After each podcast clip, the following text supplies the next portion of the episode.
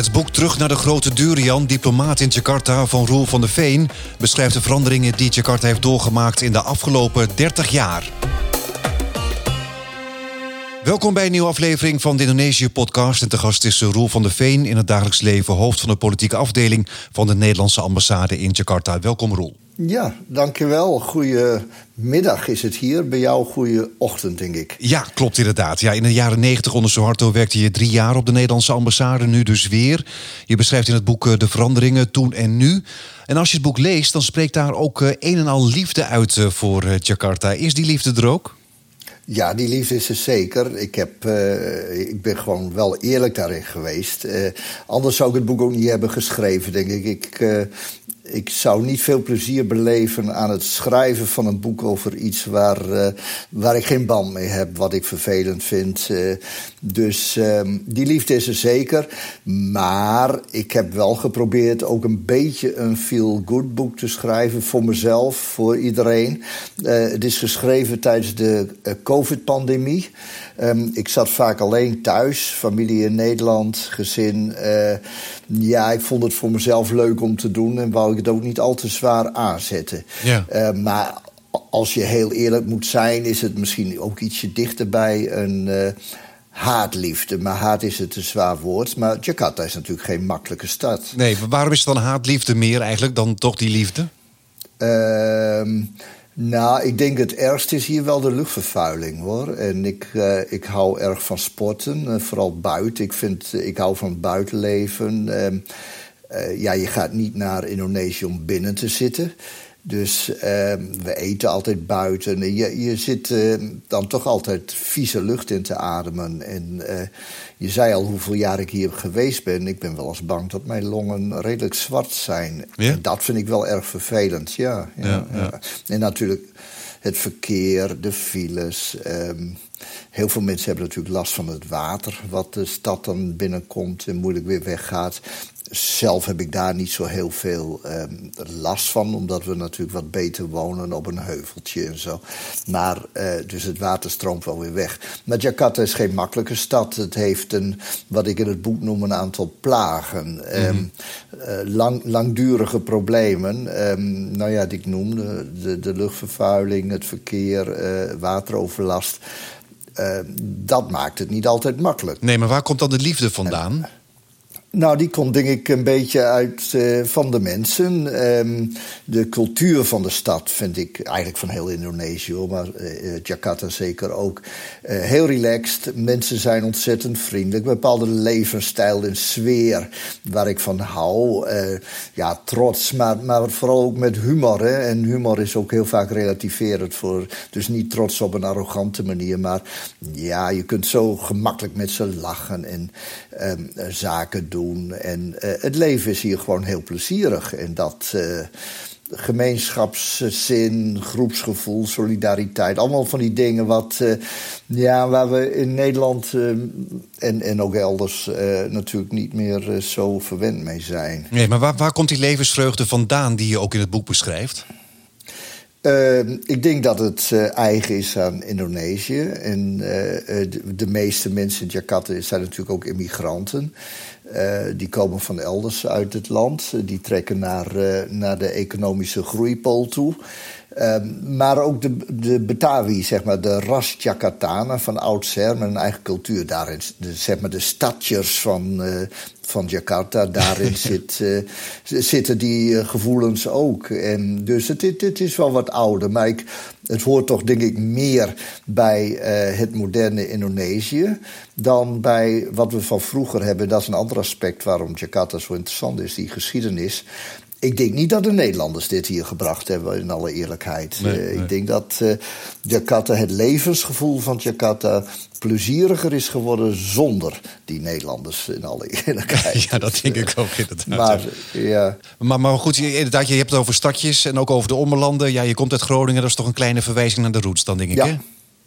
Inderdaad, inderdaad. Uh, wat mij betreft zijn er twee stad en ommelanden. En dat is natuurlijk uh, Groningen, dat kan niet missen. En dat is Jakarta. Er worden wel wat andere steden in een omgeving ook zo genoemd, maar dat neem ik niet serieus. Jakarta heeft dat zeker. Batavia al, hè, de ommelanden van Batavia tot aan de Preanger aan toe. Dat, uh, de theegebieden en zo. En ja, dat is, het is een groter gebied, de stad eigenlijk, Batavia met zijn ommelanden. En dat is nu in deze tijd bijna helemaal volgegroeid, eh, helemaal bewoond. Het is natuurlijk, er zijn heel veel mensen hier gekomen. Dus het stadsgebied Jakarta is enorm. Ja, 30 miljoen mensen. steden ter wereld nu. Ja, ja, ja, misschien. Uh, ja, het is een beetje hoeveel voorsteden je wilt meetellen. En die voorsteden hebben ook allemaal echt miljoenen inwoners. Hè. Tangerang, Bekassi, Bogor. Um, en misschien is het wel uh, qua omvang de tweede stad ter wereld op dit moment. Ja. Dat is enorm. Je, je zei het al inderdaad, eh, vrolijke mensen vol met levensvreugde. Maar toch is dat misschien ook wel een beetje gek. Want je zei ook van het is geen makkelijke stad om in te leven. Met die luchtvervuiling, met de overstromingen en met de files.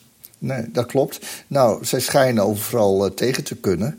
Um, makkelijker dan wij in elk geval. Um, bij mij komt dan wel eens een gevoel op van um, ja, bezorgdheid om de gezondheid.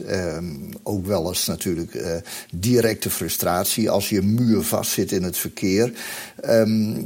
ze hebben daar veel minder last van op een of andere manier. Ook bij bij die vervuiling. Ik vroeg wel eens aan een uh, lokale stafmedewerker van... ja, wat doen jullie daar eigenlijk tegen? En, en wat je daar niet kwaad? Hij zei, nee, ach nee, we zijn het zo gewend.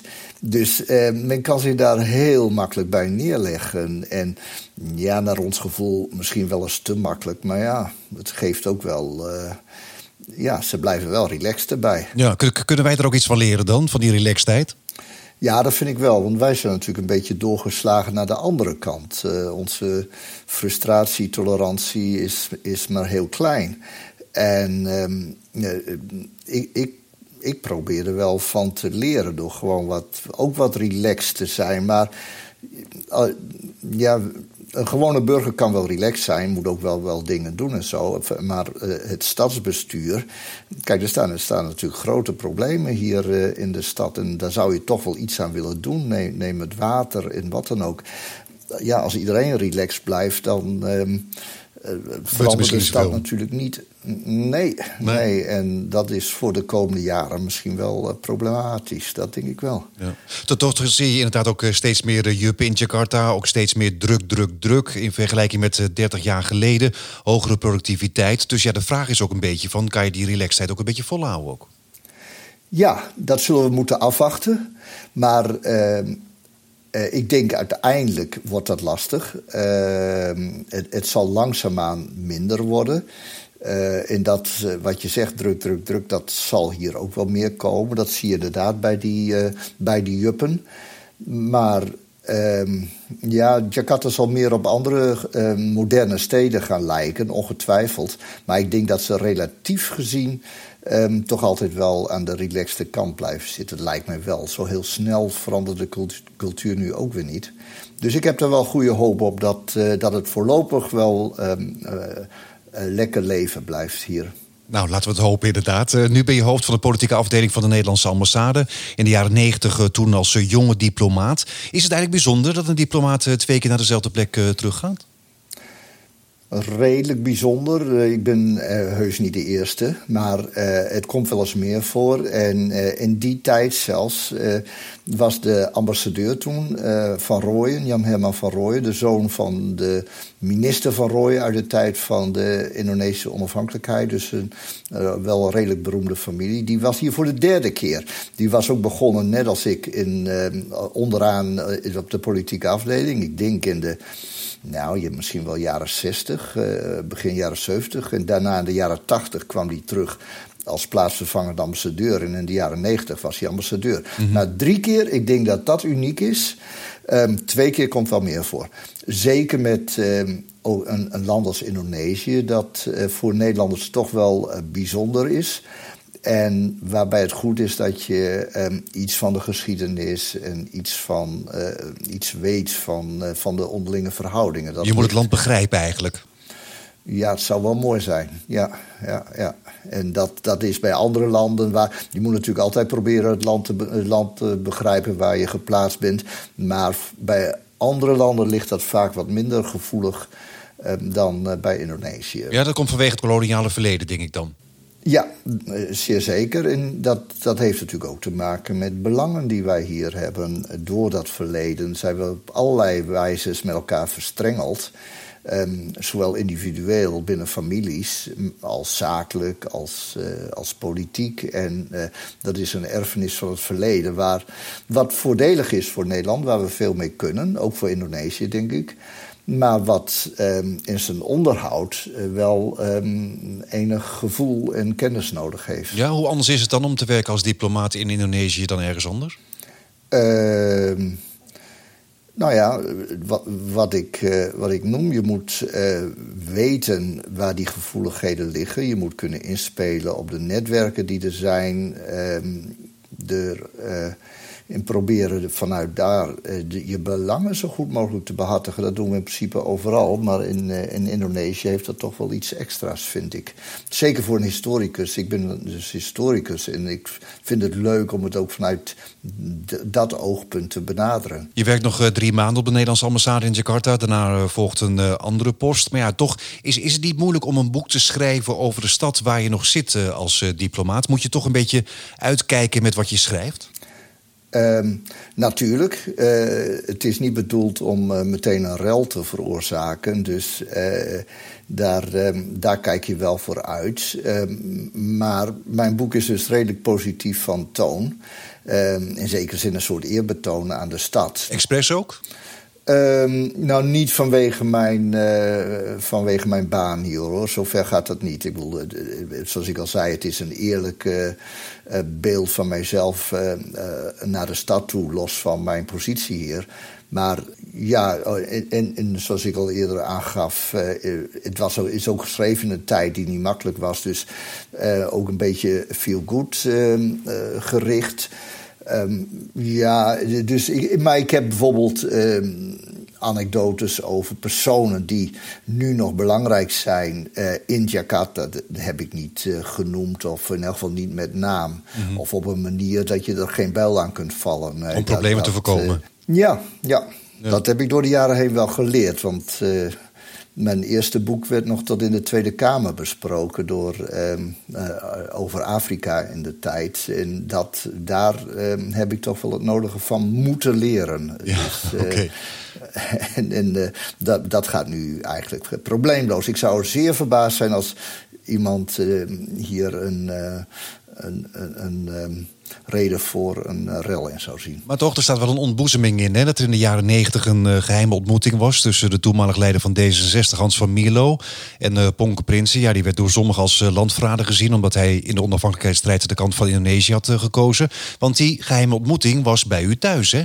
Ja, en, uh, want het moest op een plek uh, plaatsvinden waar de pers uh, geen lucht van zou krijgen. En toen dachten we, ja, wat is er nou nog minder belangrijk dan ons eigen huis? dus dat, dat hebben we op die manier gedaan. Ja, een ontboezeming, dat is het wel. Ik denk niet dat dat eerder op deze manier naar buiten is gekomen. ik ben ook de enige die dat kon doen, omdat er geen anderen bij waren, afgezien van mijn echtgenoten. Um, ja, beide hoofdrolspelers zijn al enkele jaren uh, overleden. En de hele sfeer rond het onderwerp is uh, toch wel behoorlijk veranderd in 30 jaar tijd. Uh, waar we toen spraken van een uh, landverrader, uh, hebben we nu het historisch onderzoek gehad. Ja. Net in februari zijn de conclusies daarvan um, naar buiten gekomen. Daar wordt tegen dat verleden wordt nu wel anders aangekeken. Dus ja. ook vanuit dat oogpunt kun je dat nu wel doen.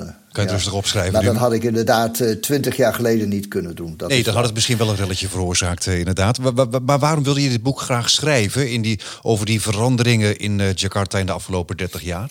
Uh, Nou, ja, ik hou van uh, schrijven. Dat, dat ten eerste. Ik vind het uh, leuk om te doen. Uh, als je het is mijn derde boek. Als je um, schrijft, dan um, word je ook gedwongen om je ideeën over een onderwerp uh, wat beter vorm te geven. Hè? Want het, het verschijnt dan zwart op wit. Het is niet meer zo vrijblijvend. Dus dat, dat aspect, je het zelf leren van iets. Hè? Er wordt wel eens gezegd, als je wil weten hoe een bepaald onderwerp in elkaar zit, moet je er een boek over schrijven. Nou, dat, dat, uh, dat merk ik ook een beetje wel. En ik vind het ook het hele creatieve aspect. dat zit hier wat meer in, omdat het wat meer verhalende wijs is en, en impressies van mezelf. Dus dat creatieve vond ik heel leuk. En ja, je zit hier nou zoveel jaren, dan vind ik toch wel aardig om inderdaad je eigen gedachten daarover eh, over te ordenen en dat op een, een attractieve wijze vorm te geven. En, en, op die manier, nou, je kunt zeggen, is dat nu een afscheid van Jakarta, maar ik vind het wel leuk dat het er nu is. En het, het hoort een beetje bij mijn leven hier, dat, dat, uh, ja, dat past zo mooi in elkaar, vind ik. Het boek eh, staat vol ook met verwijzingen naar de koloniale tijd. Um, kan je Jakarta eigenlijk niet loszien van die koloniale tijd? Inderdaad. Um, nou, het heeft een leven op zichzelf. En dat leven is na de koloniale tijd echt zijn eigen gang gegaan. Maar het feit dat Jakarta hier is, waar het gelegen is, dat ligt aan toch wel de stichter Jan-Pieter Sonkoen. Um, de, de, Nederlander, en dat, dat is geen toeval. En vanuit die kleine kern, Batavia, is het gegroeid, landinwaarts. Um, dus uh, dat is een deel van het uh, verleden. Um, en, en, dat zie je natuurlijk terug in de stad.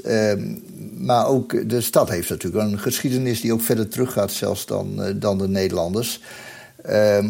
En daarvoor was het een, uh, ja, je kunt zeggen, islamitische stad. Was veroverd door de, een prins Fatahila, die in de stad op allerlei manieren voortleeft. Ook het, uh, het plein in uh, de oude VOC-stad Batavia is genoemd naar die Fatahila. Wat ik wel een hele vreemde vind, want... Um, de, als er iets een Nederlands uh, plein is, dan is dat het wel. Ja. En uh, met dus wel een hele vreemde naam. Maar voor die tijd van Fatahila, die de stad in 1527 veroverde, zit natuurlijk nog uh, de Hindoeïstisch. Um, wat echt eeuwen teruggaat. Dus in, het is een hele oude stad. Het is misschien wel een van de oudste van, uh, uh, van Azië. Het gaat zeker terug tot de vijfde eeuw. Dus um, ja, maar als historicus kijk je er eigenlijk altijd al met die ogen naar. Dat, dat iets groeit vanuit een, vanuit een klein begin. De eerste wortels en dan wordt het iets ja, in dit geval iets reusachtigs. Want het moderne Jakarta is iets reusachtigs. Maar het is allemaal organisch met elkaar verbonden. Ja. Maar, maar lange tijd werd ook gezegd dat Indonesiërs niet geïnteresseerd zouden zijn in de, eh, de geschiedenis. Ja, dat is in de afgelopen 30 jaar toch ook wel veranderd, hè? Dat is zo. Nou moet ik zeggen dat ze wel veel meer naar de toekomst kijken dan naar het verleden, hoor. Dat is, uh, dat is wel zeker zo. Wij zijn in Nederland nu een beetje, ik zou bijna zeggen, geobsedeerd door het verleden.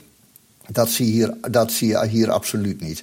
Dit is een land dat, uh, nou, misschien wel het, uh, een, een soort uh, mentaliteit heeft die past bij een, een snelle moderniseerder. Hè, waarin het leven snel beter wordt.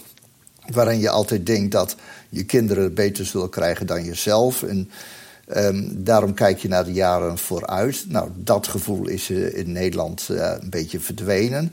Want we zijn misschien wel een beetje over onze top. In Indonesië is dat zeker niet zo. En, um, maar het, het klopt wat je zegt, dat er, er is wel iets meer belangstelling voor het verleden gekomen. Neem Batavia, het oude stadje, VOC-stad aan, aan de kust. Daar was 30 jaar geleden uh, weinig. Uh, er werd zeker niet geïnvesteerd. Het was een beetje vervallen. Het was een beetje ja, gloomy, zoals dat in Indonesië dan kan zijn. Uh, niemand ging er eigenlijk naartoe. Als je daar geen reden had om te zijn, dan, uh, dan bleef je ook weg. De tegels zaten los en alles. Er werd niks werd onderhouden. En dan gaat het in de tropen best wel snel. Ja. Er was natuurlijk in die tijd ook geen geld. 30 jaar geleden was Jakarta een, een stuk uh, armer dan nu. Maar op een gegeven moment is er, men begonnen toch daarin te investeren. En van het een kwam het ander. En dat gaat nu heel snel. En wat vervallen panden waren, zijn nu uh, hippe internetcafés. En ook de eigen um, Indonesische bevolking komt daar als toerist.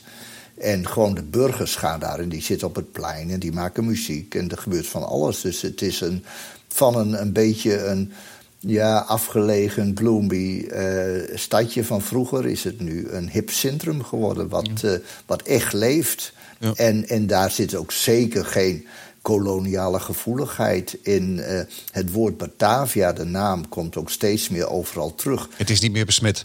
Nee, absoluut niet. Het heeft eerder een soort uh, nostalgisch uh, gevoel, denk ik, dat het oproept. Dus dat, dat is zeker wel leuk, ja.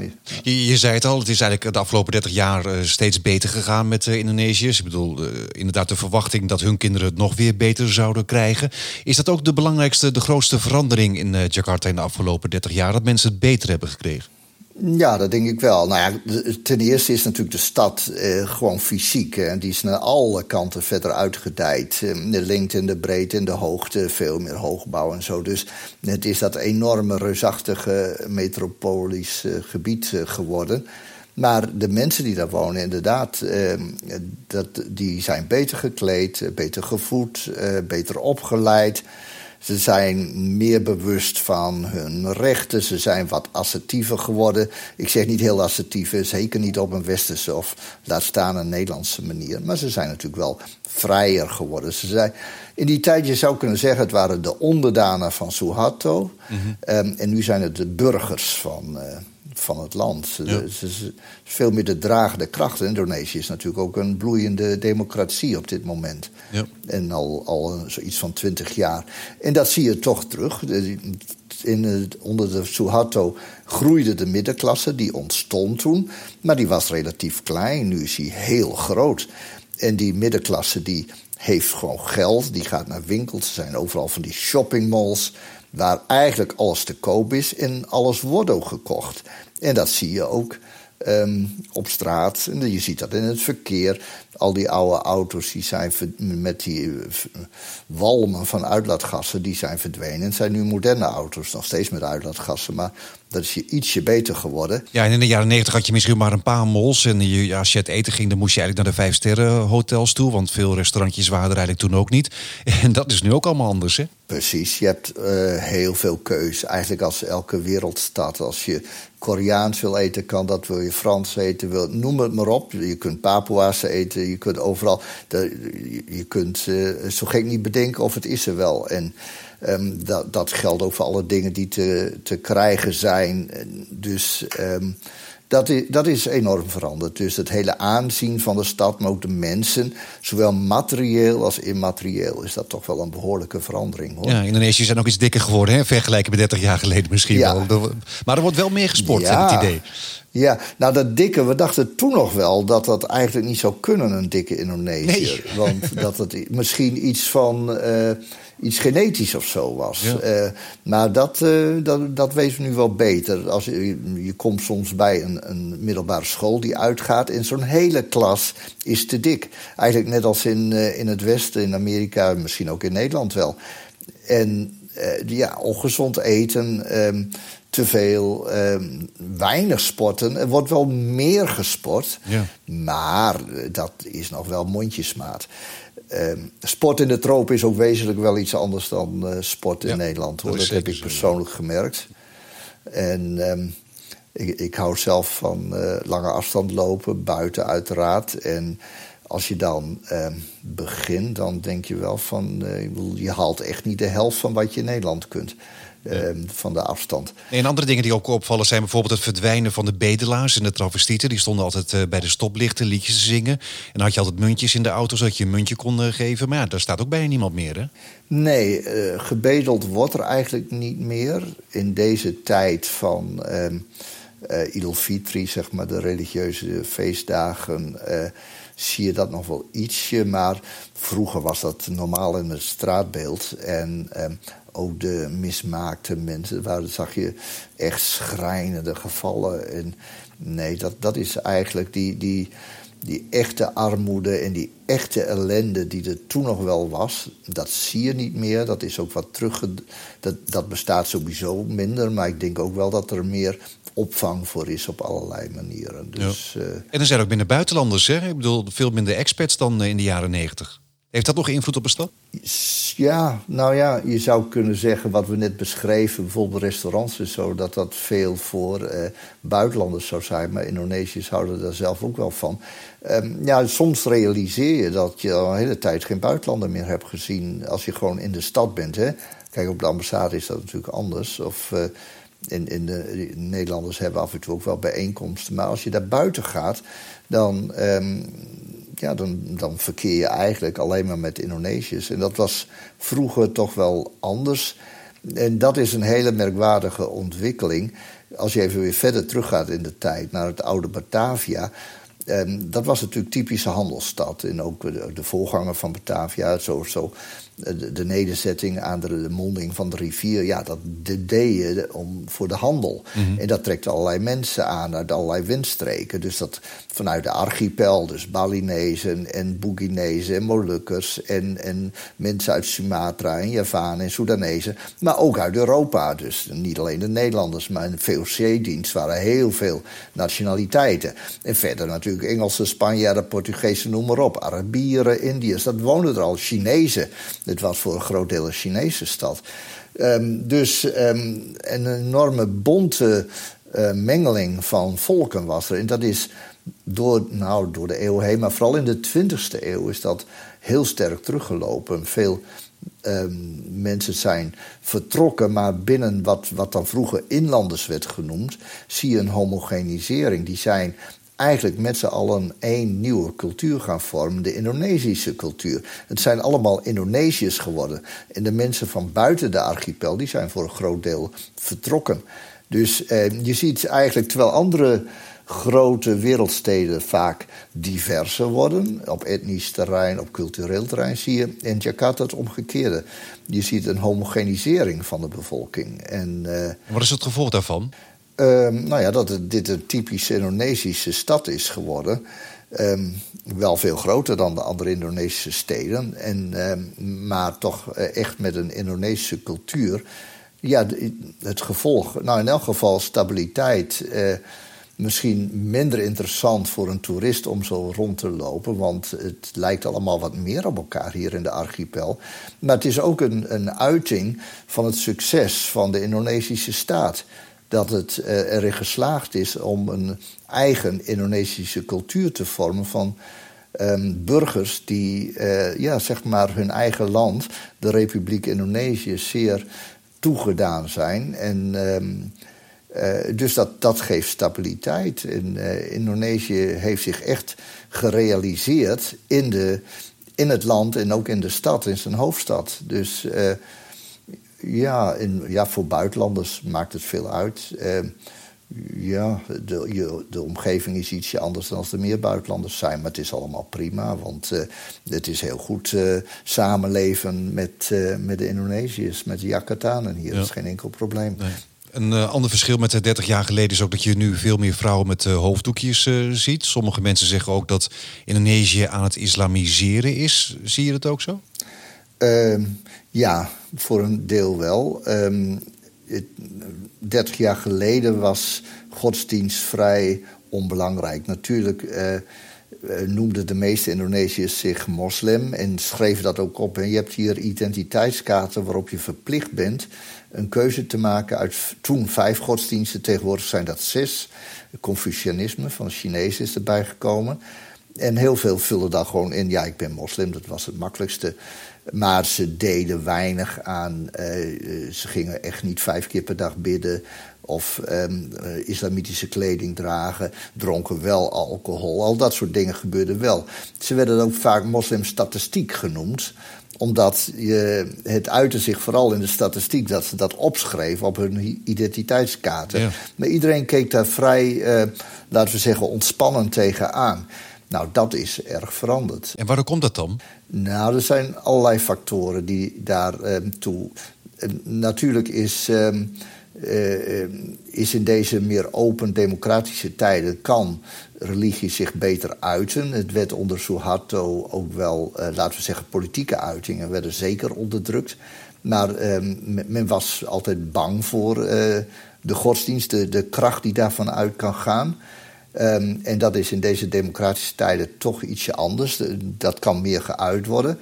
Je kunt ook zeggen dat uh, de voorbeelden voor Indonesië um, zwakker zijn geworden. Kijk, uh, Europa en, en, ook Nederland was altijd een duidelijk voorbeeld voor uh, een rolmodel voor Indonesiërs in ontwikkeling.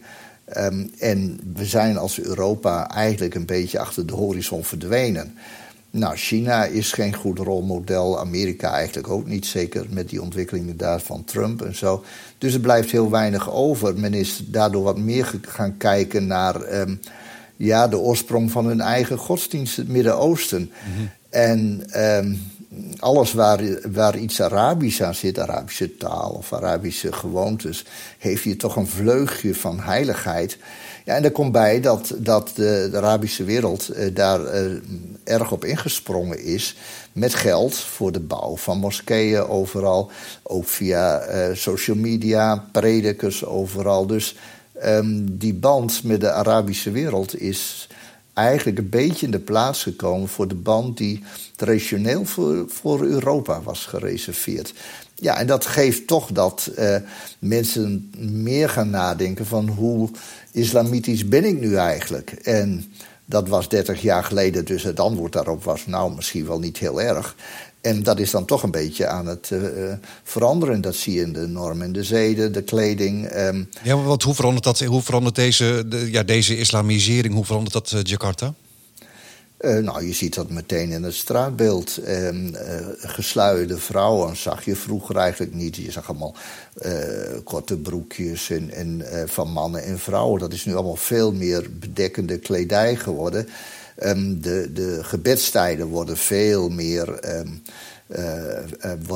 veel meer aan vastgehouden. Het aantal moskeeën, de moskeeëndichtheid is veel groter geworden. Er worden overal moskeeën gebouwd.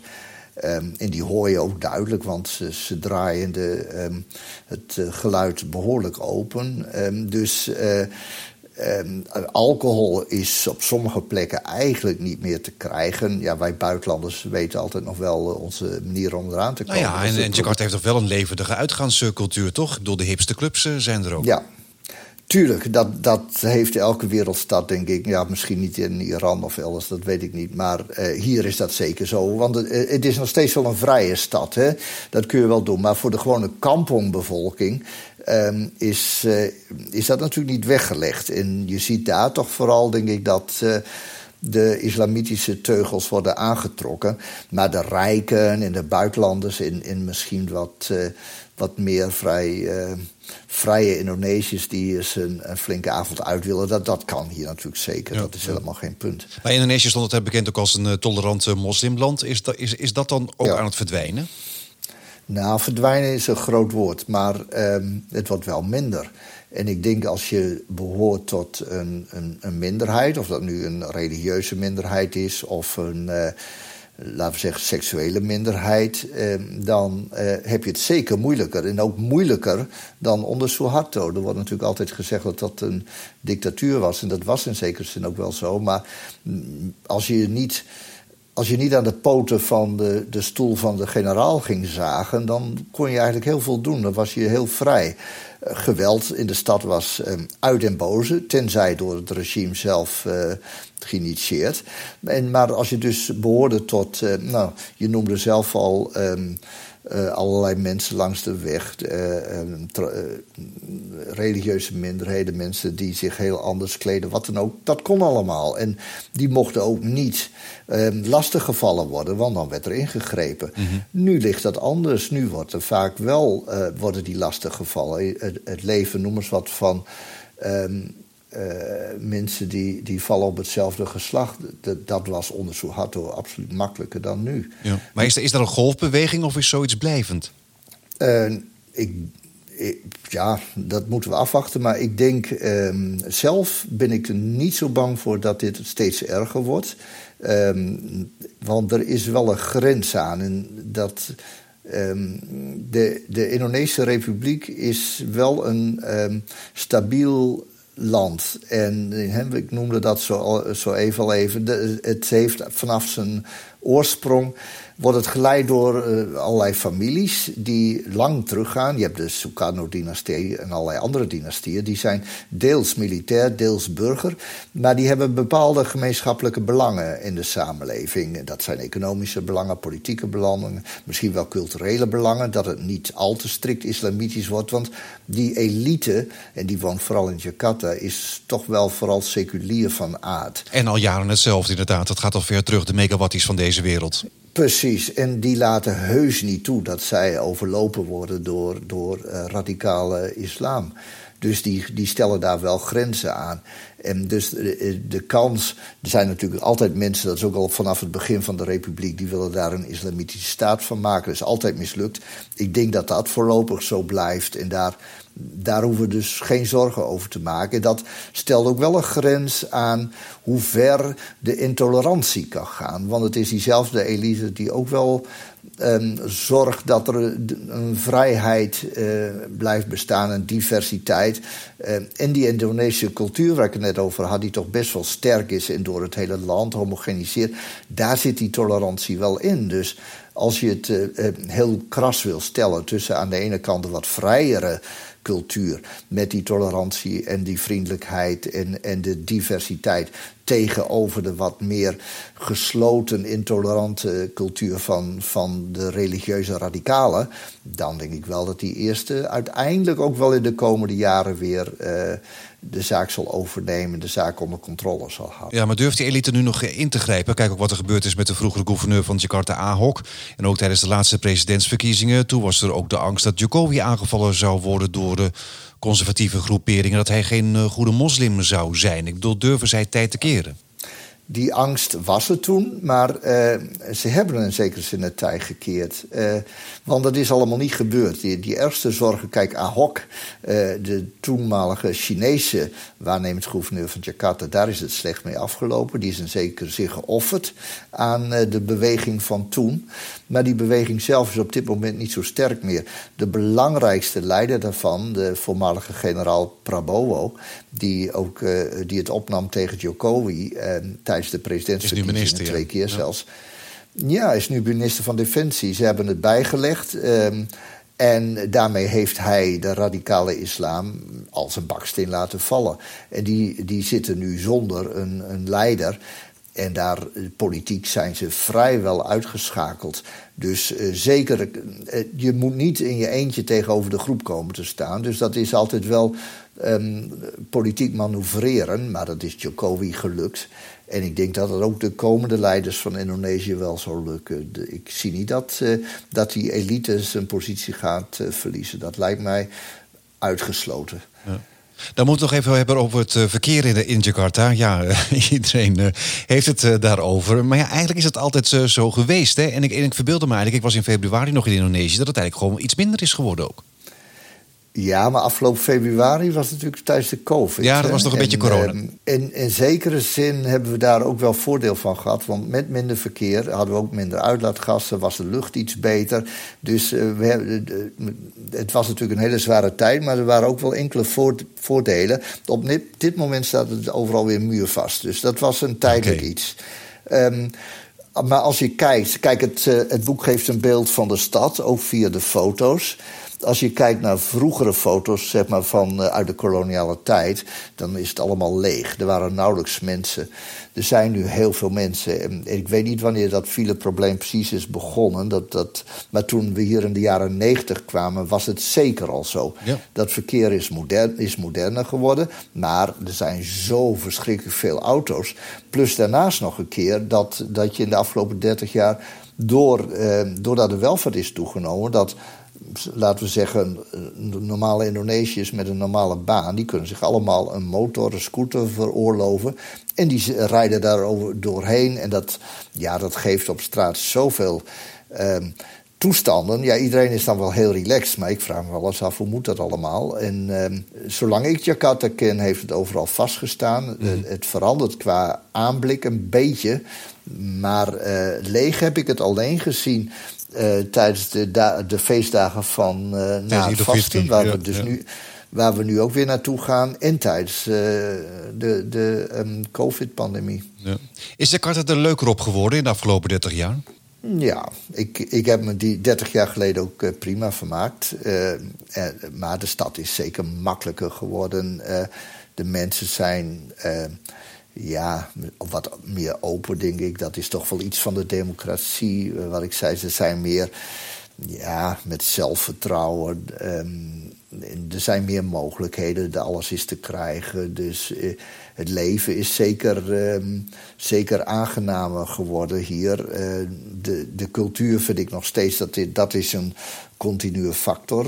ondanks die islamisering waar we het eerder over hadden, vind ik nog steeds overwegend vriendelijk, optimistisch, humoristisch. Al, dat zou ik eigenlijk alleen maar positief willen zien, toen en nu. Ehm, maar eh, het, leven is hier zeker uh, makkelijker geworden. toen was het eigenlijk nog wat je. Toen een typisch derde wereldland, ontwikkelingsland, dat is het nu niet meer. Het is nu ook een middeninkomensland geworden. En ja, Jakarta is daar de kern van. Is, is, de, is economisch gewoon wel booming. En dat pikt nu na de pandemie ook heel snel weer op. Er zijn eh, serieuze plannen om de hoofdstad eh, te verhuizen naar eh, Kalimantan. Wat zal dat betekenen voor Jakarta als dat doorgaat en dat de overheid en alle ambassades en zo allemaal gaan verhuizen? Ehm, ja, we, we, moeten nog wel zien of het doorgaat. Hè? Want... Ja, er zijn er meerdere plannen geweest in het verleden. Ja, ja en deze zijn ook wel serieus hoor. Maar um, eigenlijk is er niks geregeld, ook het budget niet. Dus uh, de, de, ze, men begint nu te bouwen.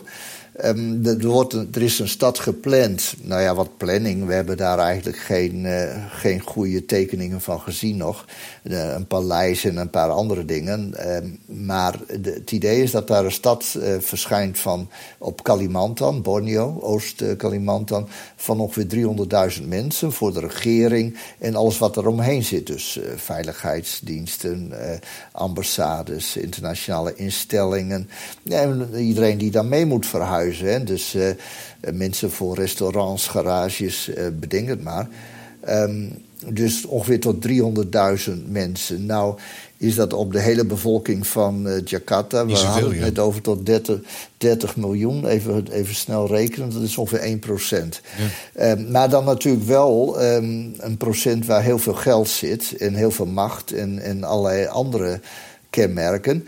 Um, maar Jakarta is ook het economisch centrum van Indonesië. Hè? En dat neem je natuurlijk niet zo makkelijk mee naar eh, Borneo, waar verder niets is. Dat moet allemaal opgebouwd worden. Dus ik denk wel dat Jakarta het economisch centrum blijft. Maar misschien dat de investeringen eh, behoorlijk eh, achteruit zullen gaan.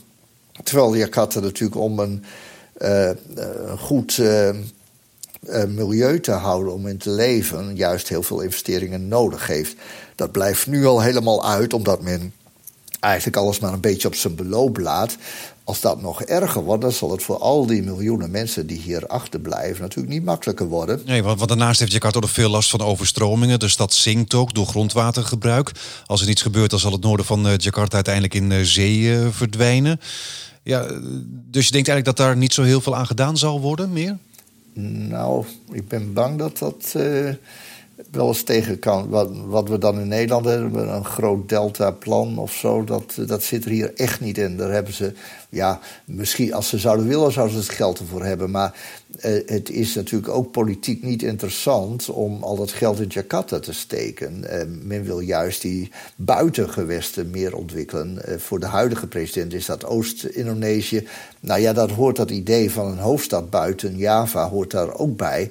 Dus om al die miljarden dan in Jakarta te gaan steken, dat, dat is politiek eigenlijk niet te doen. Ja, dan ben je wel het noorden van Jakarta misschien kwijt over een paar jaar. Ja, dat zou kunnen. Um, ik, ik zou me niet heel erg verbazen als het die kant op zou gaan. Maar je ziet ook wel dat natuurlijk met de groei... dat, dat de stad steeds meer landinwaarts komt te liggen... op steeds wat hogere grond... Ehm, dat uh, als je naar het oude Jakarta fietst, vanuit waar ik woon, in Zuid-Jakarta, fiets je eigenlijk altijd een beetje naar beneden. En terug moet je altijd een beetje de heuvel op, zeg maar. Het gaat wel heel gelijkmatig hoor. Maar dat is uh, twee eeuwen geleden al de reden geweest. Uh, onder uh, Daandels, uh, gouverneur-generaal, om de, eigenlijk de, de, het regeringscentrum vanuit de stad meer naar binnen te verplaatsen, naar het toenmalige weltevreden. Dat is nog steeds het regeringscentrum. En hoe verder je naar het zuiden gaat, richting Bokor, hoe hoger je komt. Ja. Dus ik kan me voorstellen, als je Jakarta als een groot monster wil zien, dat hij langzaam landinwaarts kruipt. En dat is iets wat al langer gaande is. En misschien moet op een gegeven moment de, de, de stroken, de wijken langs de kust worden opgegeven. Dat, uh, dat kan ik me voorstellen, tenzij daar grootschalig in uh, geïnvesteerd gaat worden. Maar daar zijn helemaal geen tekenen voor dat dat gaat gebeuren. Nee, en, en, met het idee van, van een hoofdstad elders, ja, wordt, uh, de motivatie om dat te doen, denk ik, alleen maar minder. Ja, en druk voor Indonesiërs lijkt er niet te zijn, want ja, die lijken al die overstromingen wel een beetje over zich heen te laten komen. Precies. Ik, toen ik in het begin. Um, uh, foto's kreeg van uh, onze tuinman, die dan uh, ja, tuin en allerlei onderhoud en zo doet. Die woont langs een riviertje. En die staat dan tot zijn middel in, in het water. En de eerste keer dat, dat ik zo'n foto kreeg, een paar jaar geleden bij een forse overstroming na, na een tropische bui toen. En dan, dan komt al dat water uit de bergen bij Bogor stort zich op de stad. Kan niet weg. En de, die hele kom waar we in liggen met dat, die, die, die grond die verder zakt. En er wordt een kom die steeds dieper uh, komt te liggen. Uh, ja, als je dan langs zo'n riviertje woont, dan, dan de echte hele zaak onder. En ja, daar keek ik wel heel erg van op. Maar dat is in, in, in denk echt van, man, komt toch hier bij ons slapen en wat dan ook. En heeft hij nooit uh, willen doen. Um, en, nu heb ik dat een keer of vijf meegemaakt. Dat hij die foto stuurt, maar hij staat er altijd lachend op. En um, als ik dan vraag van, wat is nou het plan? Wat ga je doen? Ga je elders wonen? En dan kijkt hij me vragend aan van, waarom eigenlijk? Dus... Um, Kijk, wij hebben zo gezegd van dweilen met de kraan open. Zo van, dat moet je niet willen. Maar hier is dweilen met de kraan open is gewoon een optie. Eigenlijk is dat wat de meeste mensen doen. En die hebben daar geen probleem mee. Je beschrijft het ook in het laatste hoofdstuk eh, van het boek. Maar hoe ziet eh, Jakarta er over 30 jaar uit?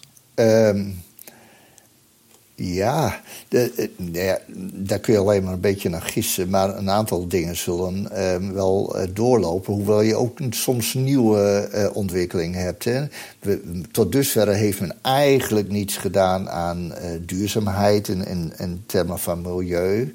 Uh, die luchtvervuiling, uh, de, de rotzooi op straat, vuilverbranding. Het, het is, ehm, maar je ziet dat toch wel langzaamaan een beetje beginnen de president kreeg ook wel kritiek toen hij zijn plannen voor de nieuwe hoofdstad. Zo van eerst ga je Jakarta tot een helse stad maken. Hè, als je het op die manier wil bekijken. En nu ga je dat op, uh, op het nog um, redelijk ongerepte Borneo hetzelfde doen. En toen kwam hij met verhalen. Ja, maar dan gaan we de scooters gaan we elektrisch maken en zo. Dus die verhalen die hoor je wel een beetje. En er wordt ook nu wel discussie gevoerd. Kijk, heel veel van die luchtvervuiling die komt van de kolencentrales rond de stad. Er is geen stad in de wereld die zoveel kolencentrales binnen een straal van 100 kilometer heeft. En er wordt nog steeds bijgebouwd. En nu voor het eerst hoor je dus de. Um, ja, zo'n kolencentrale gaat zeker 30 jaar mee. Dus een, als je er nu een bouwt, dat is voor de hele de volgende generatie. En nu hoor je voor het eerst dat daar uh, discussie over is. Is aan het veranderen ietsje aan het veranderen. Het zal heel gelijk gaan, maar eh, het, het, zal niet alleen maar steeds erger worden. Dat kan ik me niet voorstellen. Dus eh, ik denk wel dat over 30 jaar die lucht iets schoner zal zijn. Ik denk ook dat er wel knelpunten in het verkeer, daar wordt al aan gewerkt, dat dat iets beter is. Dat, uh, dat de doorstroming van de stad. Ik, ik zie zelf als grootste probleem voor de toekomst toch het water. Um, want um, die investeringen zijn zo gigantisch. En die motivatie om dat te doen is zo gering. En uh, ja, die krachten werken allemaal tegen elkaar in. Wat je al noemde, de, de grond zakt, omdat men steeds het grondwater eruit haalt. Dat is ook een oud uh, systeem al uit de Nederlandse tijd. En daar is eigenlijk nooit echt iets aan gedaan. Dus het klinkt steeds meer in, zakt weg. Terwijl natuurlijk door ehm, de, de stijging van de zeespiegel aan de buitenkant komt het water omhoog. En ook vanuit de bergen, en ook door, door de klimaatverandering, eh, worden de buien, die, die zijn natuurlijk de tropische hoosbui, dat is al heel heftig. Maar dat zal eh, alleen maar erger worden. Dus dat, dat stort zich dan allemaal op de stad, die, die in een kom zit, die steeds lager komt te liggen. Ja, dat. Uh, ik zie niet hoe men dat goed gaat oplossen. Dus dat, uh, ik denk dat dat uiteindelijk wel misschien wel de, de belangrijkste trigger wordt om, ja, om te verhuizen of, ja, of toch te gaan investeren. Maar daar, op, op dat punt gaat het echt wel een keer fout. Maar goed, Jakarta zal een heerlijke en relaxe stad eh, blijven eigenlijk. Dat hoop ik. Eh, dat, zolang, je dan niet, eh, zolang je niet in het water in Noord-Jakarta staat of, eh, of langs de rivier. Ehm, ik, ik, verwacht wel dat die, die culturele kern van, van, ja, van humor en gezelligheid en optimisme en zo, dat, ik denk wel dat dat blijft. Dat is heel stabiel. Ja. Nog drie maanden, Jakarta, dan even naar Nederland en dan door naar Ethiopië.